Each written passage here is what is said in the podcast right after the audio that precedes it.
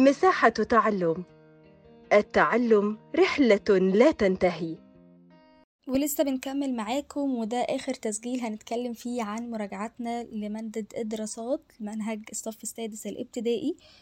ولسه مكملين في سؤال اذكر تعريف المصطلحات الآتية. والمصطلح الجاي معانا بيقول لنا العشوائيات.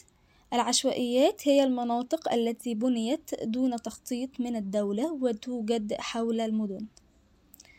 السد هو بناء هندسي على النهر لحماية البلاد من خطر الفيضان والجفاف وكمان بنخزن فيه المية زي السد العالي اللي موجود عندنا طبعا في مصر. القناطر هو حاجز مائي على النهر أنشئ بغرض رفع منسوب المياه لتوزيعها في الترع وبرضو عندنا قناطر الخيرية هنا. الترع هو قناة مائية بيتم حفرها لتوصيل المياه من نهر النيل إلى الأراضي الزراعية. السهل الفيضي هو أرض مستوية على جانبي النهر تكونت نتيجة الرواسب الطينية التي نقلها نهر النيل من منابعه. البيئة الزراعية هي البيئة التي يتوافر بها مقومات الزراعة من مياه عذبة وتربة خصبة وما يرتبط بها من أعمال أخرى.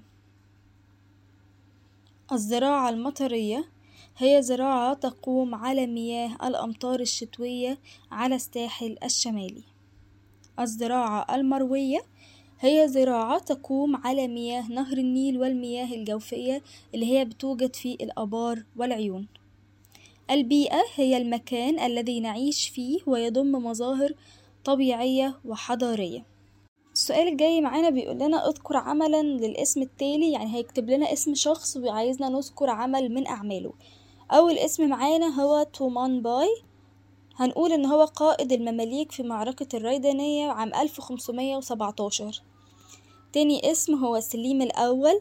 هنقول إنه نجح في إخضاع مصر للسيادة العثمانية عام 1517 محمد الثاني فتح القسطنطينية عام 1453 واتخذها العثمانيون عاصمة لهم. الوالي من هو الوالي؟ الوالي هو نائب السلطان ومقره بتكون القلعة.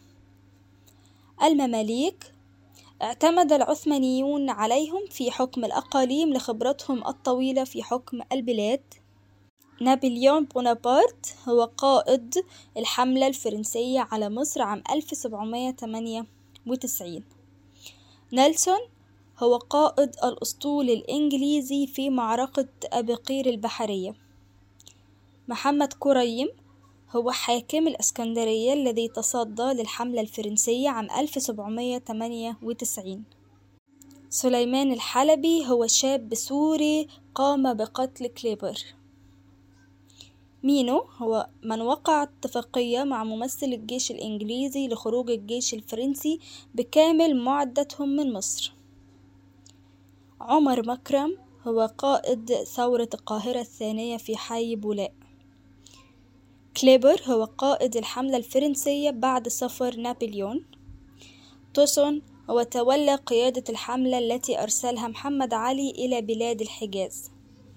فريزر هو قائد الحملة الإنجليزية على مصر عام 1807 محمد علي ممكن نقول فيه أكتر من حاجة. طبعا ممكن نقول إنه تخلص من المماليك في مذبحة القلعة أو إنه أنشأ ترسانة لصناعة السفن بالأسكندرية.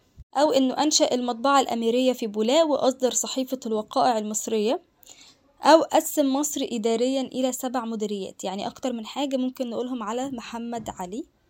وبكده نكون خلصنا مراجعتنا لمنهج الدراسات. أتمنى لكم التوفيق والنجاح. يا رب. شكرا لكم لاستماعكم.